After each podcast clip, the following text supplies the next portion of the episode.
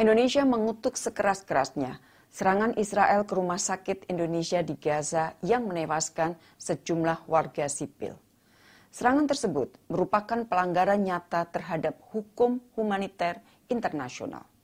Semua negara, terutama yang memiliki hubungan dekat dengan Israel, harus menggunakan segala pengaruh dan kemampuannya untuk mendesak Israel menghentikan kekejamannya. Hingga saat ini, Kementerian Luar Negeri masih hilang kontak dengan tiga orang warga negara Indonesia yang menjadi relawan di Rumah Sakit Indonesia.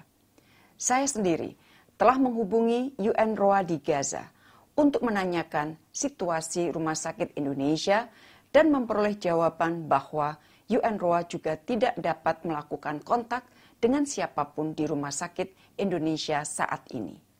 Saya juga sudah berusaha menghubungi WHO dan Palang Merah Internasional namun belum mendapatkan jawaban. Saya akan terus berusaha untuk menghubungi berbagai pihak guna memperoleh informasi terkait Rumah Sakit Indonesia dan keselamatan tiga warga negara Indonesia tersebut.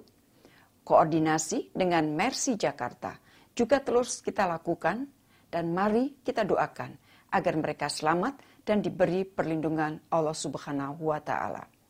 Rekan-rekan yang saya hormati, saat ini saya sedang berada di Beijing RRT bersama dengan Menteri Luar Negeri Arab Saudi, Yordania, Mesir, Palestina, dan Sekjen OKI untuk menggalang dukungan, terutama negara-negara anggota tetap Dewan Keamanan PBB atau kita sering sebut P5, agar genjatan senjata dapat segera dilakukan dan bantuan kemanusiaan dapat juga dilakukan tanpa hambatan.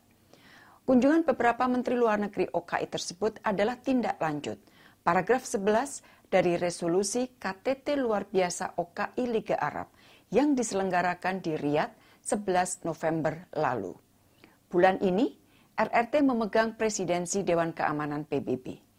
Para Menteri Luar Negeri OKI mengharapkan agar RRT dapat mendukung upaya yang sedang dilakukan oleh para Menteri Luar Negeri OKI tersebut. Menurut rencana, akan dilakukan pertemuan pada tingkat Menteri Luar Negeri di Dewan Keamanan PBB untuk membahas kembali isu Gaza di bulan ini. Besok, para Menteri Luar Negeri OKI akan melanjutkan penggalangan dukungan ke Moskow. Demikian yang dapat saya sampaikan dan perkembangan selanjutnya akan saya sampaikan pada kesempatan pertama. Terima kasih.